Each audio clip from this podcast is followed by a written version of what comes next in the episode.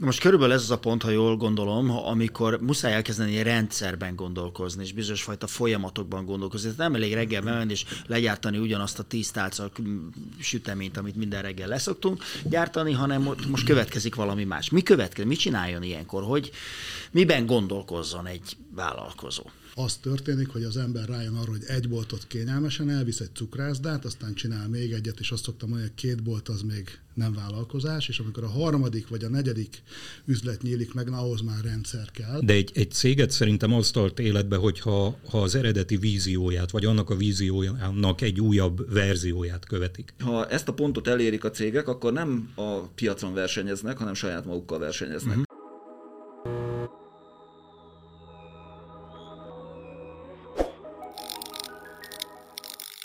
Sziasztok, ez a Fórum, a Business Flow 8 üzleti közösség vállalkozás fejlesztési podcastja, amiben mindig érdekes vállalkozókat érintő témákról beszélgetünk. Minden vállalkozás életében eljön az a pont, amikor nagyjá válik, vagy nagyjá kell válnia. De vajon mi az a tudás, ami ebben segít? Erről fogok beszélgetni szakértő vendégeinkkel. Tomá József, vállalatvezetési stratéga, aki több mint 80 tevékenységi területen, több mint 150 cég fejlesztésében vett már részt személyesen, ahol végigkövette a fejlesztési folyamatokat. Eszlári László, üzletfejlesztési szakértő, aki hiszi, hogy a vállalatfejlesztést és teljesítménynövekedést egyéni és csapatkompetenciák fejlesztésével, folyamat és rendszerépítéssel lehet elérni.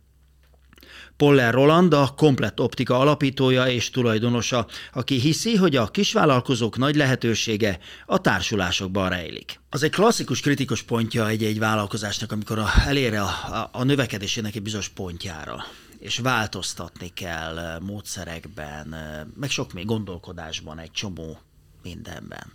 Sok vállalkozás ilyenkor áll fejre, mert valaki már nem tudja kezelni, már, már nem tud annyi emberrel dolgozni, már nem tud új rendszerekben gondolkozni, nem tud nagyobb vállalkozásban gondolkozni, stb. stb. Nyilván ennek, ennek rendkívül sok aspektusa van ennek a dolognak. De ebben a műsorunkban a, a folyamatokról, illetve a rendszerépítésről beszélgessünk egy picit alaposabban. Jó? Tehát, hogy, hogy oké, okay, elérkeztünk egy kritikus pontra, van egy, egy mikrovállalkozásom, vagy egy kisvállalkozásom elérte azt a pontot, amikor úgy érzem, hogy már ez, ez vagy, vagy örökre ilyen kicsi marad, vagy akkor tovább kell e, lépni. Mi az, mik azok a folyamatok, mik azok a rendszerek, kérdezem én teljesen laikusként, ami, ami ilyenkor e, kell, amit használható, ami hasznos, amit. Ez egy, hogy, hogy gondolkozon ilyenkor egy, egy vállalkozó? József. Jó, akkor kezdem én. A, az alapfolyamat az az, az az értékteremtő folyamat, amin keresztül a, a cég előállítja azt, amit a piac meg fog tudni tőle vásárolni, és jó pénzt fog érte fizetni. Ezt az értékteremtő folyamatot kell elsősorban a kezdetektől fogva, tehát hogy hogyan juttass el az üzenetet a piac számára, hogyan jelentkezik utána az érdeklődés, hogy viszik végig a kiszolgálási folyamaton, egészen odáig, hogy ez pénzügyileg ö, megtérül, és hogyan fogják mérni a pénzügyi eredményességet. Tehát én ezt a folyamatot tekintem alapfolyamatnak, és minden más ö, ezt vagy kiegészíti, vagy segíti, vagy hátteret biztosít hozzá, és én alapvetően erre szoktam koncentrálni, amikor a, az ügyfelekkel dolgozom. Uh-huh. Urak, László? Én azt gondolom, hogy bármifajta folyamat, ami zajlik egy cégnél, és amin változtatni kell, vagy újat kell bevezetni, ennek mindig az alapja a gondolkodásmód. Tehát én egy picit az emberi oldalról közelíteném meg a vállalkozó személyéről Végül egyébként meg. mindig ide lukadunk ki, az emberi oldalra. Nem, nem, nem, lehet, nem lehet máshova, mert igen. a drót végén mindig ember van. Így van, igen. Akár, akármit rángat, vagy, vagy akármi történik ott. És a lényeg az, hogy ö, egy vezetőnek be kell azt látnia, hogy a cége eljutott ehhez a ponthoz. És ez nagyon érdekes volt, hogy megfogalmaztad, hogy eljut egy bizonyos pontra. És a, a kérdés az az, hogy mikor van ez a pont. De uh-huh. úgy is kérdezhetném, hogy mikor veszi észre a vállalkozó, hogy elérte vagy elhagyta ezt a pontot, és akkor, akkor bizony magába kell néznie, rá kell néznie a folyamataira, a vállalkozására, a, az embereire, ha már vannak, meg kell nézni, hogy, hogy milyen stádiumban van a cége. Ugye meg, meg vannak ezek a definiált stádiumok egy, egy cég életében. Uh-huh. És utána, hogyha me, ha megfelelően a, a tudatát tudja tágítani, akkor meg fogja találni azokat az embereket, ö, szakértőket, folyamatokat, amivel tud majd változtatni. Uh-huh. Rólad, hogy látja ezt a kérdést? Én egyetértek az urakkal, csak én meg mindig rendszeren túl a duplikációban és a franchise, a beszerzési társulás és marketing társulások erejében hiszek. Egy picit én onnan közelíteném meg, hogyha olyan vállalkozóról beszélünk, aki úgy ment bele ebbe a vállalkozásba, hogy volt egy komoly növekedési terve, akkor ennek a növekedésnek van egy üteme, és az üteme az előbb-utóbb el fog érni két folytópontot. Az egyik, hogy tudok-e az ország határokon túl terjeszkedni, illetve az országon belül meddig tudok terjeszkedni. Uh-huh és hát gondolom, hogy ebbe az irányban egy csomó, csomó kis izgalmas tippet fogunk adni uh-huh. itt a hallgatóknak. Mondjuk ez már, a, ez már az elég nagy vállalkozásoknak a problematikája. Hát én Igen. azt szeretném, hogy a kis vállalkozók nagy vállalkozókká lennének, uh-huh. és azt szeretném például megmutatni ebbe a beszélgetésbe, hogy minden kis vállalkozó tulajdonképpen nagy vállalkozó is lehet, ha képes összefogni, uh-huh. és megért egy nagyon-nagyon kőkemény tét, hogy a verseny az nem lokálisan zajlik, hanem a verseny az globálisan zajlik, és hálózatok csatáznak uh-huh. igazából hálózatokkal. Még akkor is, hogyha például egy Gundel éttermet nézünk, uh-huh. el kell dönteni már az elején, hogy Gundel az egy McDonald's hálózat lesz, vagy egy Gundel étterem, és teljesen uh-huh. más irányú növekkedése lehet egy McDonald'snak a fejlesztésekben, mint egy Gundelnek, hiszen uh-huh. a Gundel is tud duplikálódni, csak teljesen más területen. Uh-huh. Meg aztán kérdés, hogy akar-e, de az egy, az, az, az egy másik beszélgetés. László, jegyzet? Hát amit mondtál, hogy mi az a pont, az valójában az a pont akkor szokott létrejönni, amikor a valóság és a, az optimális működés olyan távol kerül egymástól, hogy azt a, a Roland által említett folytópontot hozza létre. Tehát, uh-huh. hogy szétszakad valójában az, hogy mit kéne csinálni, amit ideálisan lehetne csinálni ahhoz, hogy jók legyenek az eredmények, és már nem úgy működik a cég. Ez, ez, ezek a pontok, amit a László is mondott, hogy észreveszi, vagy nem veszi észre, uh-huh. mikor veszi észre.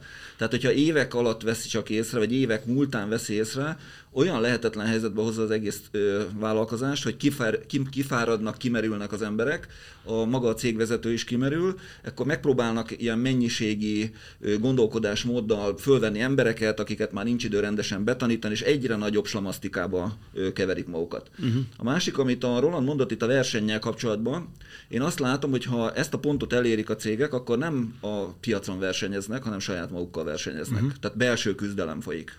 Tehát egyetlen, hogy életben tud-e maradni Így a van. cég. A saját Igen. működésével küzdik. Uh-huh. Most az észrevétel ez azért is érdekes dolog, mert alapvetően e, bizonyos tematika szerint kétféle vállalkozó van. Az egyik, akiről szoktunk most a kicsikbe gondolkodva, aki alkalmazott a saját vállalkozásában. Tehát egy cukrász megcsinálja a saját cukrászdáját, és akkor az működik, mert ő el van még két cukrásszal, meg egy, egy kiszolgáló kisasszonya. Jól megy a cukrász, de a szomszéd kerületbe is csinál egyet, aztán a harmadik kerületbe is, és a negyedik kerületbe is, és a cukrász már nem cukrász, többé, mert már arra nincs ideje, hogy ő csinálja a krémest, hanem el, vállalkozóvá válik, csak már az egy másik szakma. Magyarán szóval észreveszi el, hogy ő már nem cukrász, hanem, hanem már egy másik szakmát próbál megtanulni, amihez egyébként nem biztos, hogy olyan tehetséges. Igen, sajnos egyébként számtalan példát látunk arra, hogy nem veszik ezt észre és egész egyszerűen megfulladnak a munka alatt. Ugye ez, amit elmondtál, ez, ez általában egy cégnek a fejlődése hajszál pontosan, hogy van egy jó ötlet, uh-huh. létrehozza valaki a céget, elkezdi csinálni, elkezdi fölvenni az embereket, elkezd nőni, hogyha tényleg jó volt az ötlet, ha tényleg jól mérte fel a piacot, akkor ez azért fejlődni fog, és, és eljön az a pont, amikor neki ki kéne szállni, amikor vissza kéne lépni a napi operatív munkából, és mondjuk már csak a stratégiákkal kéne foglalkoznia uh-huh. többek között, de elsősorban azzal. És ezt, ez, szerintem egyébként ez az a pont, amit nagyon sokan nem vesznek észre. És megpróbálják valahogy magukat ketté szakítani, hogy mind a két feladatnak megfeleljenek. Uh-huh. De ez nem egészséges. Hát semmiképpen nem, és, és erre, erre utaltam az elején, hogy számtalan sajnos negatív példát látunk, ahol kiégett uh-huh. vagy, vagy betegé vált emberek, ö, emberek ö, próbálják még valahogy életben tartani a, a cégüket. És abban pedig teljesen egyetértek veled, amit mondtál, bár nem így fejezted ki, de egy, egy céget szerintem az tart életbe, hogyha ha az eredeti vízióját, vagy annak a víziójának egy újabb verzióját követik. És onnantól, hogy bedarálja őket ez a napi rutin, onnantól fog elkezdeni esni a minőség előbb-utóbb, és, és elmenni a kedve az embereknek az egésztől, megindul a fluktuáció, és így tovább. Uh-huh. Most a másik fajta ember az a vállalkozó, aki vállal, a vállalkozásért vállalkozik, és tulajdonképpen mindegy, hogy cukrászdát csinál, vagy, vagy zokni, mert miben van a, a biznisz. Ő egy másik típusú ember, aki, aki, a, a, akivel azt történik, amiről Rolandról is beszél, hogy tervezi, hogy ő majd növekedni akar, ugye ő, őt nem érdekli az okni, őt a vállalkozás érdekli. Tehát ez a főhivatású vállalkoz. Meg egy másik sztori. Ott például mi lett a buktató, mit nem vesznek észre? Van egy nagyon klassz könyv, az a cím, hogy V-mitosz, nem tudom, hogy ki olvastam el hallgatók közül, de mindenkinek ajánlom. Egy picit szétszedi, hogy egy vállalkozásban három oldalról lehet belépni. Az egyik a, ők szakiknak hívják, tehát ez a szakember, aki tudja jól a cukrászatot csinálni, jó optikus, jó autószerelő. Másik a, inkább menedzser, mint vállalkozó, aki gyakorlatilag ezt tanulta, ilyen közgazdász végzettsége van, aki tud céget irányítani, és a harmadik, akiről igazából mi itt szintén beszélgetünk, az a befektető. Na az az, mhm. aki gyakorlatilag egyetlen egy dolgot néz, az üzleti eredményt. Egy picit, hogyha tőzsdei cégekre gondoltok, ott van az, hogy nagyon szép küldetéseket, meg missziókat írnak fel a falra, de gyakorlatilag a negyedéves tőzsdei jelentéseknél, ha nincsen profit és osztalék, akkor megnézheti magát a menedzser, ügyvezető, hogy hogy vezeti ezt a tőzsdei céget. És ahogy én látom, és én is átmentem ezen a folyamaton, az történik, hogy az ember rájön arra, hogy egy boltot kényelmesen elvisz egy cukrászdát, aztán csinál még egyet, és azt szoktam mondani, hogy két bolt az még nem vállalkozás, és amikor a harmadik vagy a negyedik üzlet nyílik meg, na ahhoz már rendszer kell, mindannyian ugyanezt tapasztaljuk meg, és amikor ez a rendszer igényé válik, na akkor elérkeztünk a franchise fogalmához, ugyanis le kell írni a receptet. Tehát, uh-huh. hogyha ő cukrász és puncskockát csinálja fantasztikusan, akkor az a kérdés, hogy ezt meg tudja rajta kívül csinálni más is, ugyanabban a minőségben, mert ha nem, akkor nem tud nőni, mert a növekedés egyik gátja, hogy ő nem tudja gyakorlatilag duplikálni magát. Vagy egyáltalán nem mindegy, hogy egy másik példát mondjak, hogy te agysebész vagy, és a legügyesebb agysebész vagy, vagy neked egy agysebészeti klinikád van. Tehát, hogy uh-huh. és más a cél, és én a kisvállalkozók nézőpontjából azt gondolom, és tényleg megerősíteném a nézőpontomat, hogy minden kisvállalkozó Magyarországon tud nagyvállalkozóval válni, hogyha összefogásban is gondolkodik, és uh-huh. egy mhm. picit hajlandó utána menni a tudás után. Uh-huh. Igen, László? Ha, ha szabad erre reagálnom, nekem, nekem azt tűnt fel egy kicsit, és egyébként ez egy, egy általános probléma, hogy amikor, amikor azt mondod, hogy, hogy menedzser és vezető, akkor számomra az egy összemosott történet. Uh-huh. Én a menedzsert és a vezetőt azt, azt nagyon élesen elválasztanám, mert más a dolguk, uh-huh. és ugye hát általában egy jó vezetőnek teljesen más habitusa, más hozzáállása, más rutinja van, mint egy menedzsernek. Tehát amíg, amíg a menedzser azért felel, hogy az emberek jól végezzék a dolgukat, addig a vezetőnek az a dolga, hogy arra figyeljen, hogy az emberek jó dolgokat végezzenek el. Én igen, hogyha ebből a nézőpontból nézzük, akkor én azt tapasztalom, hogy a magyar köztudatban a vállalkozó, vagy a kisvállalkozó, az nem a mikrovállalkozat ért, érti uh-huh. ez alatt, és ott aztán biztos, hogy nem válik szét két funkció, az operatív vezető, aki a napi feladatokat látja, és a stratégiai vezető, aki gyakorlatilag megnézi, hogy abba az irányba kéne menni, mert az uh-huh. lesz a cégnek a jó stratégiája. De e fölött van még egy befektető, tehát hogy gyakorlatilag uh-huh. aki, aki megüti a hátukat. Adta, pénzt adta, aki üti a hátukat, hogy gyerekek azért, azért adtam ebbe a uh-huh. startupba egy kis lóvét, hogy keressetek nekem pénzt, hiszen én hiszek bennetek. Igen, és akkor ott van ez a szerencsétlen cukrász, akit az előbb vállalkozóvá tettünk, és igazából ül, és tud csinálni egy fantasztikus krémest, neki a legjobb a zserbója, imádja a város, igény van rá, és ugyanott tartunk, hogy abban próbálunk közösen segíteni és ötleteket adni ezeknek a vállalkozóknak, hogy hogyan lépjék ezeket a fejlődési pontokat gyorsan túl. Mm. Tehát a, én még árnyaltabban szét szoktam szedni, amikor tisztázzuk a szerepeket, hogy egy vállalkozó, aki lehet, hogy ügyvezető, lehet, hogy ő vezeti a céget, de lehet, hogy csak operatív vezető, vagy lehet, hogy csak befektető és van operatív vezetője, hogy ő neki mi is a szerepe. És a legtöbb probléma abból szokott fakadni, hogy ezek a szerepek összekeverednek a fejbe. Tehát más, más érdeke van akkor, amikor tulajdonosként szeretne minél több osztalékot kivenni a cégből, más az érdeke akkor, amikor ügyvezetőként jogszerű működést kellene elérni, és más az érdeke, amikor a termelést kellene szem előtt tartani, mert ezek sokszor ütik egymást.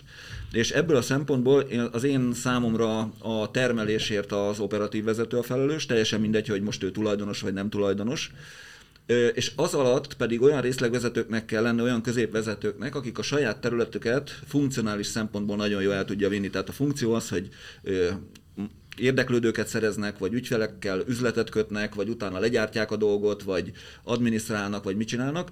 Tehát lényeg az, hogy ezekben a szerepekben kell nagyon jól megtalálni, hogy ki hová való, miben erős, és azt, azt kell rábízni, azt a szerepet. Uh-huh. És sokszor van az, hogy a, a cégvezető felismeri, hogy ő már nem is akar operatív vezető lenni, nem is jó benne uh-huh. és átadja az operatív vezetést.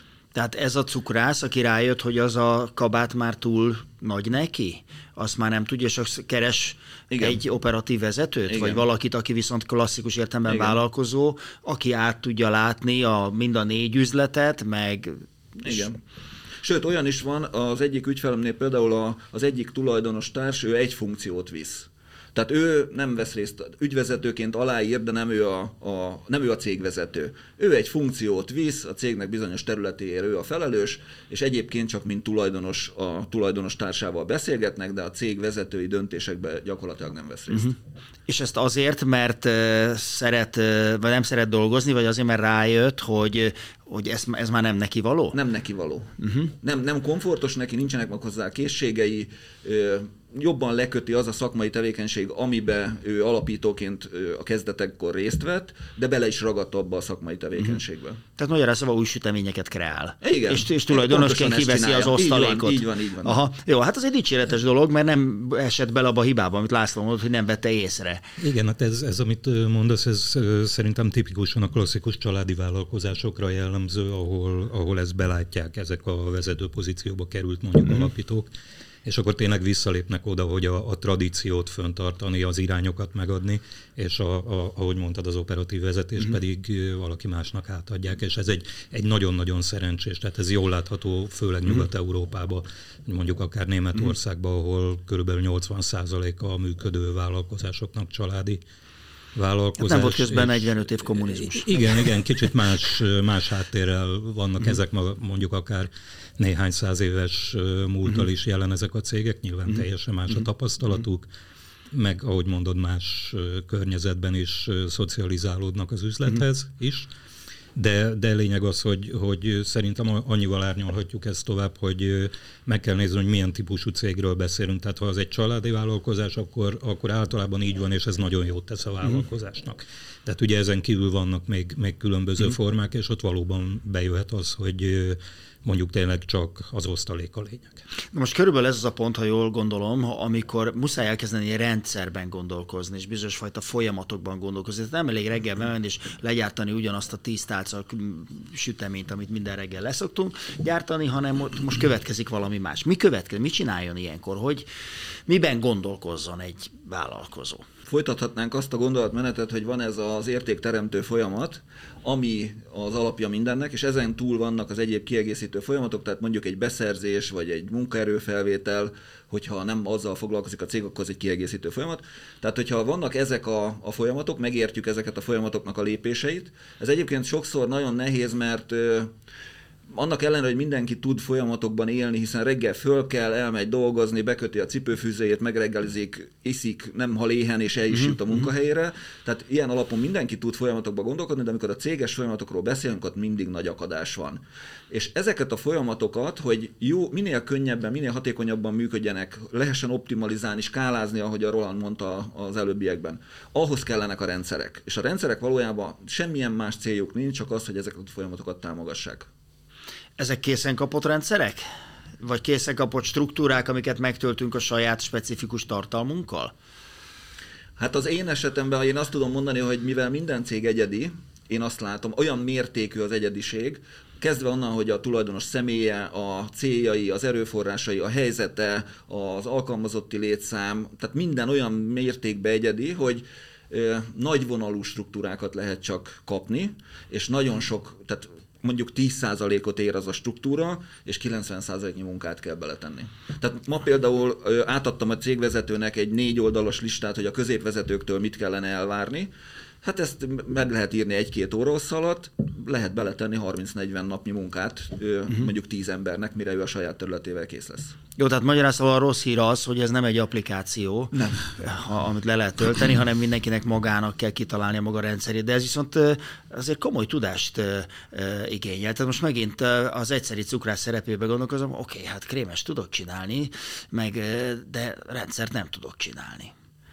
Vagy hogy kell rendszert csinálni? Vagy találjuk, üljünk már le fiúk egy, aztán kinél van papír, megtol? Szóval én azt gondolom, hogy a, a, a mélyreható kidolgozottság az lesz a vége. De az elején én úgy, úgy gondolom, hogy azért jó támaszokat lehet adni, hiszen minden cégnek nagyjából megvannak azok a fő funkciói, hogy valamit termel, előállít, valamiből létrejön valami érték, és ez a legfontosabb. Az összes többi az adminisztráció, hiszen mindenhol lesz pénzügyes, HRS, valamilyen típusú marketinges, piáros, és akkor ezt sorolhatjuk, ezek nagyjából ugyanazok. Az, hogy ezt hogy csinálja az a cég, az különbözik. Én megint a nézőpontokat szeretném uh-huh. behozni, mert az előbb említettétek, hogy Németországban milyen jó példák vannak. Én elég sokat dolgozok német cégekkel, és azt látom, hogy Németországban a kommunizmus nem volt, de ugyanúgy az utódlási probléma ott van. Uh-huh. Tehát, hogy ami nálunk most jelent meg. Ami nálunk most fokozottan kezd uh-huh. jönni, hogy, hogy a szülők a háború után erős gazdaságban erős cégeket építettek, ezt át szeretnék adni ők is a saját gyerekeiknek, de ezek a gyerekek tovább tanultak már, prémium iskolákban nagyon-nagyon komoly tudást szereztek, tehát a szülők fölötti cégvezetésre képesek, nem jönnek sok esetben vissza ezekbe a vállalkozásokba, és akkor megint csak ráerősítenék, hogy el lehet hozni Nyugat-Európából a jól működő példákat, hogy mit tesz egy nyugati cégvezető, amikor egy utódlásnál nem tudja átadni a családtagjainak a céget, és ilyenkor viszont a felvásárlás, meg az értékesítés kerül előtérbe, illetve Nyugat-Európában és a, a fejlettebb világban a társulások, beszerzési marketing társulások olyan alapok, mint nálunk gyakorlatilag a benzinkúton, hogy van dízel, meg olmozott benzin. És hogyha ezt a nézőpontot látja maga előtt ez a cukrász vállalkozó, uh-huh. akkor ő ugyanolyan időtávban gondolkodik, mint mi szülők, akiknek megszületik a gyereke, és végig gondoljuk, hogy jaj, de jó, hogy ez a kis csöpség megérkezett, és ennek a csöpségnek mikor lesz ovis ballagása, általános iskolás ballagása, gimnáziumi ballagása, mikor fogja elvégezni az egyetemet, és lehet látni, hogy szülőként meddig kell segíteni őt, illetve hol van az a pont, ahol gyakorlatilag tudunk uh-huh. ebből a cégből más értéket kihozni. És én vezetek céget, nem uh-huh. egyet, egy jó párat. És amiről itt beszélgetünk, ez nekem is napi szintű kihívás. Tehát, hogy nem vagyok én annyira bölcs, hogy ide beültem ebbe a társaságba, és én aztán mindent úgy tudok, hogy ennél jobban ember nem tudja, mint ahogy én csinálom. Nem, napi szintű kihívás. Viszont azt is tapasztalom, hogy a, a, a dolgok azért nem annyira bonyolultak, hogyha tisztán látom, hogy innen oda akarok eljutni, akkor megtalálom hozzá a az eszközt. Jó, tehát magyarán szólva, csak hogy maradjunk ennél a jó kis cukrász példánál, hogy eh, amikor elérkezik ez a bizonyos pont, hogy most már négy üzlet van, akkor ne, a, ne erre akarjunk rendszert építeni, hanem mondjuk csináljunk egy víziót, hogy hol tartunk mondjuk, harm, vagy a, hol tartunk akkor, amikor én a cukrász mondjuk 70 éves leszek, vagy amikor nyugdíjba akarok menni, körülbelül ezt lőjük be, hogy a négyből lesz-e 6, 8, 10, és próbáljunk meg ahhoz rendszert építeni? Azt gondolom, hogy a cukrász két, két döntést hozhat. Az egyik az egy üzleti döntés, hogy A pontból B pontból ő mekkorát akar nőni. Akar-e nőni Ak- egyáltalán? Akar-e nőni egyáltalán. De igazából ez nem az ő döntése, mert a környezete egy versenykörnyezetet hoz, és neki muszáj nőnie. Tehát el nem tudom képzelni azt a cukrászt, aki jó zserbot csinál, hogy ne legyen rákényszerítve arra, hogy nőjön, mert alapvetően megdolgozta a piacot, és a piac növekedésével konkurenciát teremtett magának. Tehát ez egy versenyhelyzet, itt gyakorlatilag egy, egy versenyfutásba találja magát, és ezt a versenyfutást ő kezdeti előnyel indította, hiszen ő az, aki a legkapszabb terméket csinálja, de a termék az másolható. Uh-huh. Az másolható. Hát nem tudom, mennyien emlékszünk rá, amikor a Dabner cukrászdába tulajdonosváltás történt. Ez a Dabner cukrászda egy üzem. Uh-huh. Az előző Dabner cukrászda nem üzem volt. Fogyott a Dabner vendégköre, mert szerintem nem. Sőt. De Sőt. Sőt. Úgyhogy én, én igazából azt láttam, hogy most nagyon szerencsés helyzetben vagyok, mert egy pár nappal ezelőtt még Olaszországban voltam, és azt láttam, hogy az olaszok egy kicsit abból a nézőpontból élik az életüket, ahonnan mi szeretnénk, nem idegesek. Tehát, hogy süt a nap, jönnek a turisták, tök jól el vannak, minden nap gyakorlatilag van bevétel, és ők valószínűleg inkább ezt a élvezzük az életet, élvezzük a vállalkozást, úgy is keresünk pénzt. Mi magyarok egy kicsit nehezített környezetben vagyunk, nem jön ennyi turista, nem olyan fizetőképes a környezetünk, sok esetben nincs is nagyváros az országban, a néhány nagyobbat leszámítva, amik igazából nem is nagyok, tehát sokkal jobban meg kell dolgozni azért a pici pénzért, és én Viszont azt látom, hogy bármerre megyek a világban, mi magyarok meg nagyon kreatívak vagyunk. Tehát, uh-huh. hogy, hogy ezt a tudást, amit itt ez az ország összehordott, ebből aztán fantasztikus dolgok uh-huh. születnek, és Látunk példát cukrászdára, itt van például a Pataki cukrászda, szerintem sokan ismerjük őket, fantasztikus dolgaik vannak. Ők másképp akarnak nőni, mint egy Benei, Benei Linzer hálózat, mert ők meg uh-huh. más utat választottak. Uh-huh. Tehát magyarán szóval, oké, de akkor visszatérve, most akkor azt mondod, hogy nem tehetem meg, hogy ne gondolkozzak 6-ban, 4-ben, 8-ban, 10-ben, mert a pia, igen, tehát muszáj növekedésben gondolkozni, igen. tehát akkor a rendszeremet egy előre tervezve építsen föl, ugye? Tehát ne ragadjak meg a négynél. Én, én azt a, a mondást szoktam követni és figyelembe venni, hogy minden, ami stagnál, az csökken. Tehát ha nincs növekedés, akkor, akkor ott, ott lejtmenet fog elindulni előbb-utóbb. De ami, ami szeretnék kiemelni abból, amit mondtál, ugye az pontosan ez a, ez a pont, ez a helyzet, hogy eljut valaki egy verseny szituációba. És, és itt itt jön be az, amiről az elején beszéltünk, hogy, hogy különbözőek vagyunk, tehát hogy ki mennyire áll ebbe bele. Az, az nagyon nem mindegy, mert én azt mondom, hogy meg lehet állni a négy cukrászdánál. Tehát valószínű, hogy ha nekem lenne ma négy cukrászdám, ami jól megy, akkor, akkor én most már így 50 jó néhány éves fejjel nem feltétlenül gondolkodnék a növekedésbe. Sokkal inkább a minőségbe vagy, vagy a sokszínűségbe gondolkodnék. Tehát nem mennyiségi, hanem minőségi igen, fejlődésben, igen, de igen, nem stagnálásban. Igen, igen. Uh-huh. József? Az én sóhajtozásom inkább annak szólt, nem annak, hogy a, a gondolkodásmód nem tetszik, mert ö, ö, nyilván a Roland inkább egy vizionáris típus, aki előre gondolkodik és nagyba gondolkodik. Én nekem meg olyan ügyfeleim vannak, akik most vannak benne egy slamasztikába. Tehát most van nekik akut működési problémájuk, azt se tudják, merre van előre, gyakorlatilag a, a működésük le van maradva több évre attól, ahogy ma kellene működni, tehát ő nekik folyamatos tűzoltás az életük, agyon vannak terhelve, le vannak merülve. Most az egyik cégnél például az operatív vezetőt is, és a tulajdonos is el kellett küldenem két különböző helyre. Az egyik helyen energetikailag teszik rendbe az egyiket, a másikat pedig már pszichológiai Húha. megoldásokra is szükség van, mert Aha. nagyon megmerítették a, a cipőjüket azzal a sok problémával, amit magukra húztak és megoldottak és, és túlhúzták, tehát, vagy túltolták, nem tudom melyik a jobb kifejezés. Uh-huh, uh-huh. Tehát én inkább az miatt sóhajtoztam, hogy,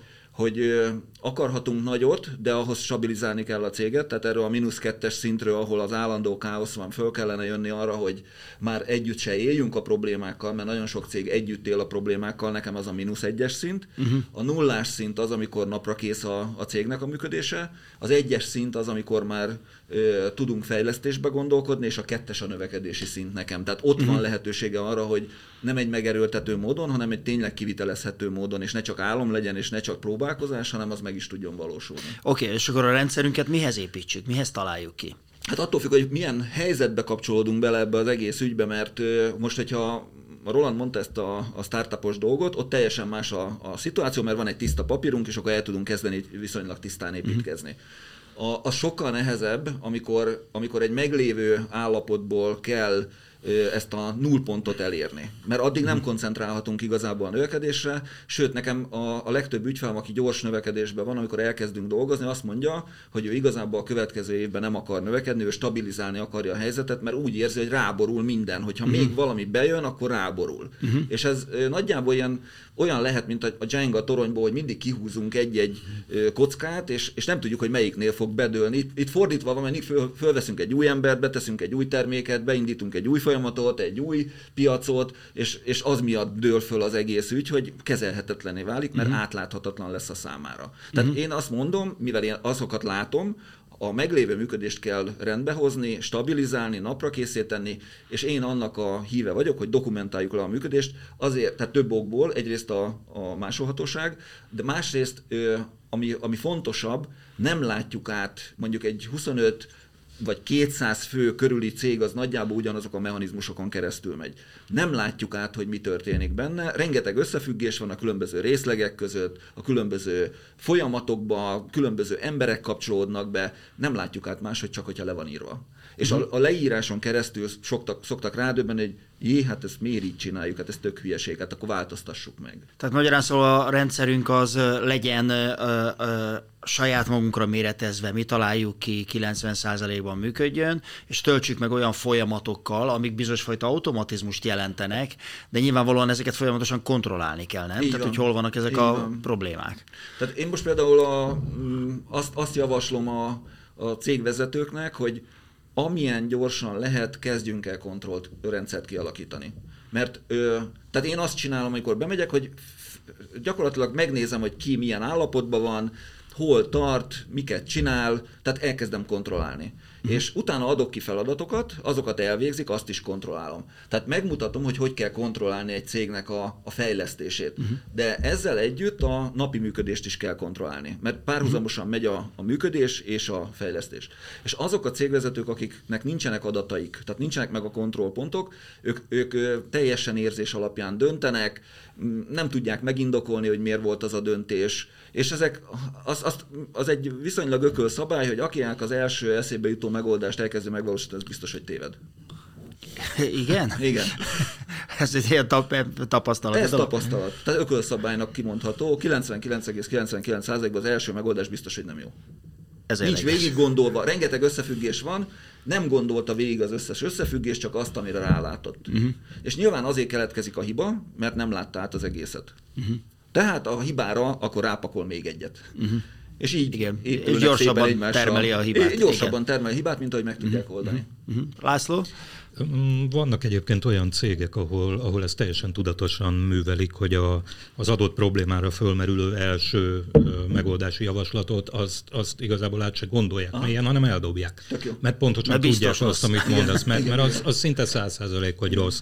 A, ezekről a folyamatokról én azt gondolom, hogy azt kell figyelembe venni, hogy, és, és ebből a szempontból mindegy, hogy milyen szinten szállunk mi be egy cég életébe, de azok a folyamatok valamiért kialakultak. Lehet, hogy elérték a maguk határait, a működésüknek a csúcsát, és, és már nem lehet azok mentén a folyamatok mentén tovább menni, de azért, azért jó figyelembe venni, jó megnézni azt, hogy miért pont így rendezték be annak a cégnek a működését. És utána igazából mm, már csak, már csak technikai dolgokkal ö, kell foglalkozni, hogyha ha ezek a, a, a vizionális ívek megvannak, mert, mert akkor egész egyszerűen fel kell rajzolni egy organigramot, meg kell nézni ugye a, a feladatköröket, döntési köröket, felelősségi köröket, stb. meg kell nézni az összefüggéseket a, a különböző folyamatok között, és ez, ez így elmondva nagyon egyszerű, ez a gyakorlatban azért akár sok hónapos munka is lehet, mire, uh-huh. mire ezek kiderülnek, és, és akkor meg lehet nézni, hogy, hogy hogy lehet ezt újraépíteni, vagy hogy lehet úgy átalakítani, úgy, úgy megcsavargatni a megfelelő gombokat, hogy ez sokkal optimálisabban ö, működjön. De van olyan is, amikor katasztrofális állapotban van egy adott cégnek, a, a, illetve vannak a folyamatai. Tehát ö, most elkezdtem dolgozni egy céggel, ami úgy kívülről nagyon jól nézett ki, egy 20 emberrel ö, futnak és, és ügyesen csinálják a dolgukat, de már az első, a, a tulajdonos ügyvezet ott még egy személybe van, a vele való beszélgetésnél már azonnal látszott, hogy tulajdonképpen egy ilyen káoszmenedzsmentet csinál nap, mint nap és messze nem azokkal a dolgokkal foglalkozik, amivel egy vezetőnek ez csak 20 foglalkozni. És ez csak 20 ember, és egy, egy néhány százmilliós cég. Uh-huh. Tehát még nem is egy, egy nagy cég. Uh-huh. Hát és akkor nem beszélve esetleg az olyan krízis helyzetekről, amikor egészségügyi problémák Igen. bejönnek, mert ilyenkor jönnek az, hogy stroke, meg, ö, uh-huh. különböző ilyen akut megbetegedések, ami kivonják a cégvezetőt a, a forgalomból, és egy ilyen cégnek, hogyha egy pár hétre kiesik a vezetője, az, az, az, az egy nagyon erős lejtőre indul. Hát általában nem születnek döntések, vagy ilyen, hát, igen, csak egyik pont- napról másikra élünk típusú dolog. Így, Igen? így van, pontosan azért történik ez, mert, mert az a bizonyos középvezetői szintű idézőjelben automatizált működés, az nincs meg. Uh-huh. Tehát az emberek még, még azokról a folyamatokról sem tudják ö, mindig, hogy hogy kell megoldani, amit mondjuk már többször megoldottak. Mert egész egyszerűen elsüllyed a káoszban. Azok a társulások, meg franchise-ok, amikről te beszéltél, azok meg még, még szofisztikáltabb rendszerek. Tehát ott nem egyszerűen csak többszörözzük a meglévő rendszert, hiszen ott kell lenni egy valamilyen fajta együttműködési struktúrának is, folyamatnak is, nem? Van, van, és erről szívesen beszélek, de ha megengeded, akkor még visszajönnék az előző Abszolút megengedem. mert- Sőt, kérem. Mert azt gondolom, azt gondolom, hogy az előbb leírtam három szót magamnak, hogy ne felejtsem el, és én azt tapasztalom, hogy egy csomó mikrovállalkozásnál ez a három szó, ez aranyat érhet, és talán, talán segítek azzal, hogyha ezeket kimondom. A delegálás, hogy át tudok-e adni feladatot kisvállalkozóként bárkinek a cégen belül közvetvezetőnek vagy takarítónak, hogy most nem én szeretnék elmenni ügyvezetőként a WC papírért, hanem szeretnék megkérni Piroska, hogy menj el te most a boltba. Mm-hmm de ennél kettő... Ez egyébként egy nagy probléma, sok ember van. nem tudja. Tehát amit nem ő csinál, az nem lesz jó, és az egy komoly gát, igen. És amit én látok, hogy ha nem bonyolítanánk túl vállalkozóként az életünket, fölmennénk az internetre, és megnéznénk, hogy hogyan néz ki egy üzleti terv, és ezt az üzleti tervet kitölteni egy mikrovállalkozó, akkor azonnal ugyanebben a nézőpontba kerülne, amiről mi most beszélgetünk, hogy mennyi az a minimum forgalom, és mennyi az az adózás eletti eredmény, amit neki létre kell hoznia. Na ebbe elkezdi beletenni a középvezetőt, meg a piroskát, akit majd leküldünk a boltba, akkor megdöbbentő számokat fog látni a saját elérendő céljairól. Ez miatt nem a múlt is fejjel gondolkodik, és nincsen negyedéves tervszáma, tehát nem tervez, inkább bedugja a fejét a homokba, és innentől kezdve borul az egész, és valóban van mensóvá válik. Mm. Most, hogyha azt az egy dolgot megtanulja a multitól egy mikrovállalkozó, hogy a tervek azért vannak, hogy irányt mutassanak, és akkor van Q1, Q2, Q3, Q4, van mögötte marketing terv, meg mindenfajta történet, akkor rendkívül sokat lépett előre a növekedés útján, és hát az már rendszer. És az már rendszerben való az már rendszer, de ez nem nagy rendszer, ez egy, ez egy, mi úgy mondjuk szerintem magyarok, hogy józan paraszti ész. Uh-huh. Csak a józan paraszti észt, hogyha magunk mellé állítjuk és nem elbújunk előle, akkor megértjük, hogy az a csúnya forkaszt, ami azért van, hogy a multi mindig növekedést kérjen az előző évre, az saját tulajdonú vállalkozásnál egy nagyon-nagyon komoly támaszt ad, mert kiszámoltam, hogy ezt kell elérnem, ebbe a pufferzónába belefér hogy fölveszek piroskát és fölveszek portást kék sapkába, vagy nem fér bele, de ha elértem, akkor ezekkel a bázis számokkal már lehet tervezni, és mivel tervezek, teljesen ugyanarról beszélünk, csak más a, más a tapasztalati megközelítésünk, akkor valóban kellenek kulcsemberek, akik gyakorlatilag sokkal jobban tud. Hiszen a Harry Ford sem tudott autót gyártani szerintem, nem? Tehát, hogy biztos, hogy nem ő húzogatta fel a, a, az összes T-mobilra gyakorlatilag a, a kereket a gyárába. Tehát igen, kellenek azok az emberek, akik segítenek minket. Aztán majd jövök a franchise-al, meg a, meg a beszerzéssel. Hát nagyon sok idő már nincsen rá, úgyhogy... Legközelebb, ha hívtok. Hát egyébként mindig, mindig ez a vége, hogy csak abba hagyni tudjuk. Viszont József fölírt egy, a változatos ekedre egy csomó mindent. Hát mivel hogyha beszélgetünk, akkor inspirálódunk, tehát a Roland, amit mondott, hogy itt a delegálás, most azt én akkor kiegészíteném még, hogy mi van előtte, meg mi van utána, uh-huh. hogy teljes legyen a kép. Tehát azelőtt, hogy delegálni lehessen, azelőtt a, a munkaszervezést azt ki kéne jól találni. És a delegálásnál egy nagyon fontos információ, hogy leginkább felelősséget kellene delegálni, de ez nem megy. Tehát, hogy nem, nem működik ez a, nem jól működik a munkaszervezés, nem jól működik a felelősség delegálás, és amit még utálnak, rühelnek, nem csinálják a vállalkozók, az azután lévő kontroll. Tehát hiába delegál, ha nem kontrollál. És miért nem csinálja? Nem tudja, hogy szükség lenne rá, vagy nem nincs hozzá kedve, nincs rá ideje, nincs rá ideje vagy lélektanilag nem megy? amit itt mondasz, Gábor. Uh-huh. Mindegyik. A másik, amit itt a, a Roland szintén mondott a pénzügyi tervezéssel kapcsolatban, én körülbelül ezer cégig számoltam, hogy kinek van pénzügyi rendszere, öt darabot találtam. A saját ügyfeleim közül, akik 150-en voltak eddig, akiknél én nap, tehát ö, fizikailag ott vagyok és segítek a munkáját, tehát nem olyan ügyfél, hogy vesz valamit és akkor kész el van felejtve ott egy darabnak volt olyan, akinek bármit kérdeztem a pénzügyi rendszerével kapcsolatban, mindenre mutatta, hogy ez a táblázat, ez az adat. Mondtam, hogy oké, okay, ebben Ezek mekkora tudod. cégek? Hát ez mondjuk egy 80 fős cég volt, amelyik, uh-huh. amelyiknek volt, de két milliárd alatt nincsen pénzügyi rendszer. És nincsenek pénzügyi adatok. Nem is kell? De kell. Aha. Hát az egyfősnek is kell. Aha. Az egyfősnek is, na, ez a kulcsmondat, hogy nehogy valaki azt kérdezi, hogy mikortól kéne. Hát Tehát ha már működik a vállalkozás és nincs, akkor előtte, baj van. Előtte, Aha. ahogy a Roland mondta, Aha. előtte kell már pénzügyi rendszer, ami előtt még nem is működik a vállalkozás. Uh-huh. Mert ugye nem tudjuk, hogy mennyi, hol a fedezeti pont, mert a költségek biztosan lesznek. Tehát mindig ezt szoktam mondani, én nem a bevétellel kezdek, én a költségekkel kezdek, mert költség biztos, hogy lesz. Bevétel az nem biztos. Ez nagy igazság, igen. Még két szó, a napi mutatók. Tehát, hogy minden pozícióhoz kellene valami statisztikai szám, és hogyha gyakorlatilag meg van mérve, hogy az a kollega mit teljesített aznap, na abból aztán lesz pénzügyi terv, meg mindenfajta csoda dolog, uh-huh. hiszen nincs az a vállalkozó, akit ne idegesítene az, hogy a kollégája aznap nem csinált semmit a pénzért, a fizetésért, csak nem uh-huh. látja. Uh-huh. És hogyha ezek a napi mutatók be vannak vezetve, hogy egy szélszesnek, egy marketingesnek, egy online marketingesnek mik a termelési számai is, hogy mi az a minimum, ahol már megtérülésben gondolkodunk, akkor tisztul sokat a kép. Én csak annyit tudok mondani, józan parasztész, meg szakértők hozzá, és ez a kettő együtt, uh-huh. általában elég, hogy a, az ember egy jó nagyot tudjon nőni. Uh-huh. Alapvetően ugye itt beszélünk arról, hogy hogy lesz egy kis vállalkozásból nagy vállalkozás, meg itt nagy dolog. De hogyha azok a számok, amiket mondtok, hogy hány embernek van üzleti terve, meg pénzügyi terve, meg rendszere, meg mit tudom én, akkor ebből az derül hogy egyáltalán nem jó helyzet az átlag magyar vállalkozói kultúrát nézve, vagy van tudást, vagy nem tudom. Hát van, de akkor ez azt jelenti, hogy nagyon rossz a helyzet. Tehát nagyon sok vállalkozó van, aki ilyen adhok módon vállalkozik. Hát a közelmúltban hallottam egy statisztikát, hogy a nyugati nagyvállalatokhoz képest egy magyar KKV kb. 25%-os hatékonysággal dolgozik. Nem fenntartható.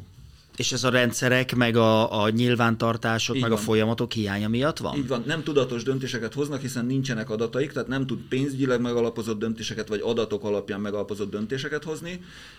Ez miatt nem veszi észre időbe, ahogy a, a László mondta, hogy valami baj van, holott ezek a váratlan események, tehát nem tudom, hogy emlékeztek-e rá, hogy a, az egyik ilyen BMW-t forgalmazó cégnél az üzletkötő az 120 millió forinttal meglovasította a, a, a céget, úgyhogy nem vette észre senki.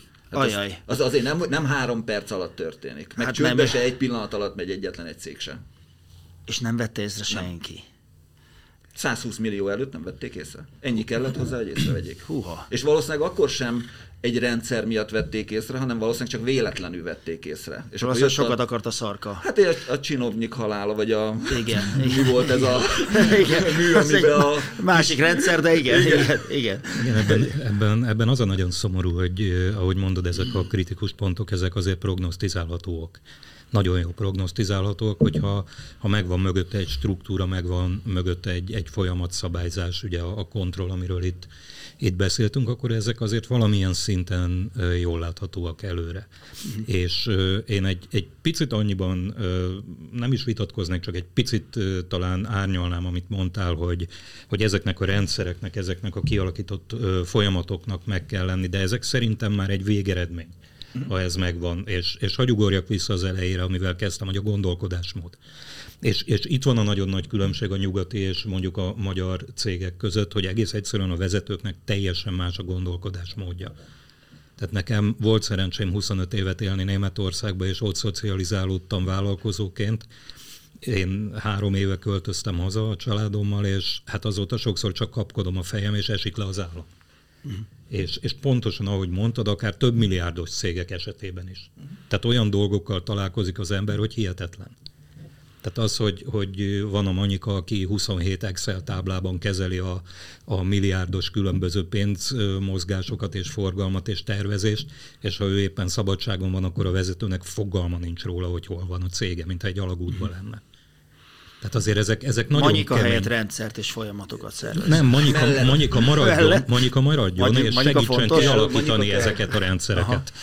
Mert ő, ő tudja, hogy mit kell oda beírni, meg hova van. kell beírni. Tehát ővelük, hogyha Monika ott van, aki dolgozott a számokkal, ővel nagyon könnyű ő, elérni azt, hogy akkor a főnöknek legyen egy átlátható struktúrája.